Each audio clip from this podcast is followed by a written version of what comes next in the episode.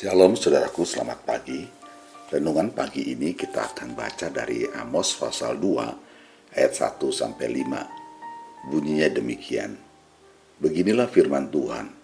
Karena tiga perbuatan jahat Moab, bahkan empat, aku tidak akan menarik kembali keputusanku. Oleh karena ia telah membakar tulang-tulang Raja Edom menjadi kapur. Aku akan melepas api ke dalam Moab, sehingga Puri Keriot dimakan habis Moab akan mati di dalam kegaduhan, diiringin sorak-sorai pada saat sangkakala berbunyi. Aku akan melenyapkan penguasa dari antaranya dan membunuh segala pembesarnya bersama-sama dengan dia, firman Tuhan.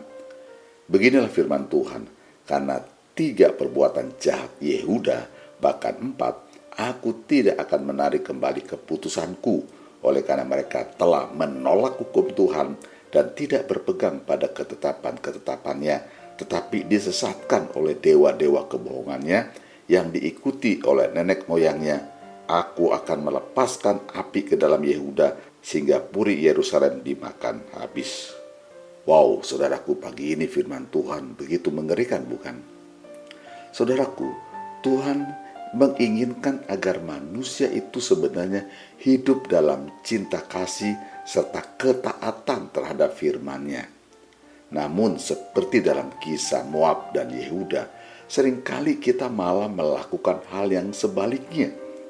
Kita menjadi membenci sesama dan kebencian itu saudaraku merasuk serta merusak pemikiran dan tingkah laku kita. Renungan hari ini saya beri judul kebencian dan hal menduakan Tuhan. Saudaraku yang dikasih Tuhan, kebencian itulah yang tampak sekali dalam perbuatan bangsa Moab, sehingga Tuhan harus menghukum bangsa itu. Dosa bangsa Moab adalah mereka telah membakar tulang-tulang Raja Edom menjadi kapur. Ya, banyak penafsir mengatakan bahwa tindakan tersebut untuk mengungkapkan kebencian yang amat mendalam bangsa Moab kepada bangsa Edom. Sekalipun Raja Edom sebenarnya sudah mati, hal tersebut ternyata tidak menghentikan tindakan penghinaan mereka kepada sisa-sisa jenazahnya. Saudaraku, benci hingga dibawa mati. Mungkin itulah ungkapan yang tepat untuk menggambarkan situasi antara Moab dan Edom Inilah yang tidak disenangi oleh Tuhan. Sehingga akhirnya Tuhan harus menjatuhkan hukuman kepada Moab. Sudah lihat dalam Amos pasal 2 ayat 4, beginilah firman Tuhan. Karena tiga perbuatan jahat Yehuda bahkan empat, aku tidak akan menarik kembali keputusanku oleh karena mereka telah menolak hukum Tuhan dan tidak berpegang pada ketetapan-ketetapannya tetapi disesatkan oleh dewa-dewa kebohongannya yang diikuti oleh nenek moyangnya. Dalam Amos sekali lagi, pasal 2 ayat 4, kita mulai melihat keadilan Tuhan juga dinyatakan kepada bangsa Yehuda, bukan hanya Moab. Bangsa ini dihukum atas ketidaksetiaannya kepada Tuhan.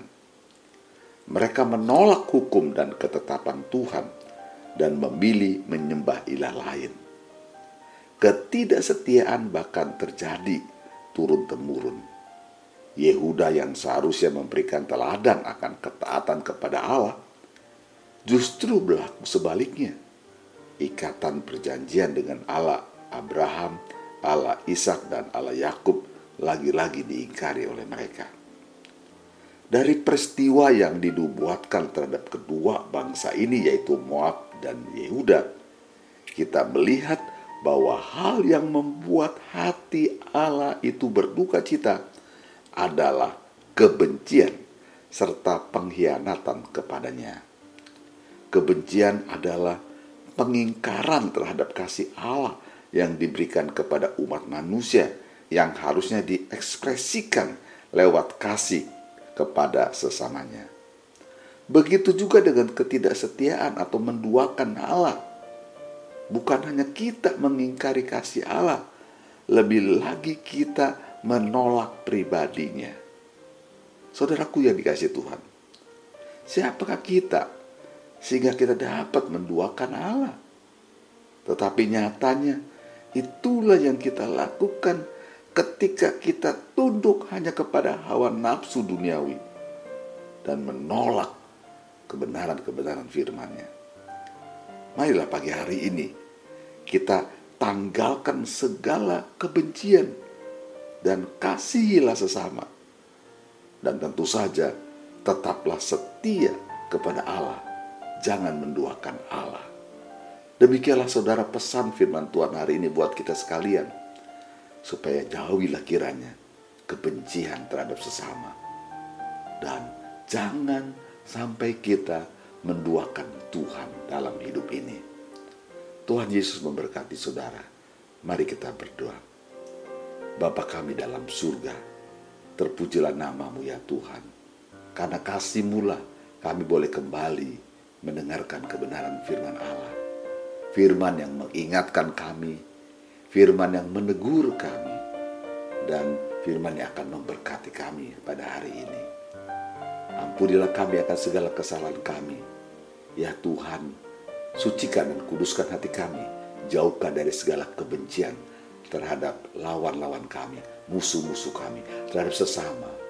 Melainkan ada kasih kepada mereka. Apatah lagi ya Tuhan, ampuni kami jika kami sampai menduakan Engkau dengan menolak segala perintah-perintahmu. Ajarkan kami Tuhan untuk mengikuti dengan setia, mentaati dengan setia segala kebenaran firman-Mu. Engkau segala-galanya dalam hidup kami. Tidak ada Allah lain dalam hidup kami. Dan tidak akan pernah kami menduakan Engkau ya Tuhan. Terima kasih buat firman-Mu. Kuatkan dan teguhkan hati kami ya Tuhan hari ini. Mai Roh Kudus tolong segenap aktivitas kami sepanjang hari ini supaya kami boleh menjadi pelaku firman. Terpujilah nama Tuhan. Dalam nama Tuhan Yesus kami berdoa dan mengucap syukur. Haleluya. Amin. Puji Tuhan saudaraku hari ini kita boleh kembali mendengarkan firman Tuhan. Jika saudara diberkati Tuhan, bagikanlah link ini kepada orang-orang yang membutuhkannya. Tuhan Yesus memberkati saudara. Sampai jumpa esok hari.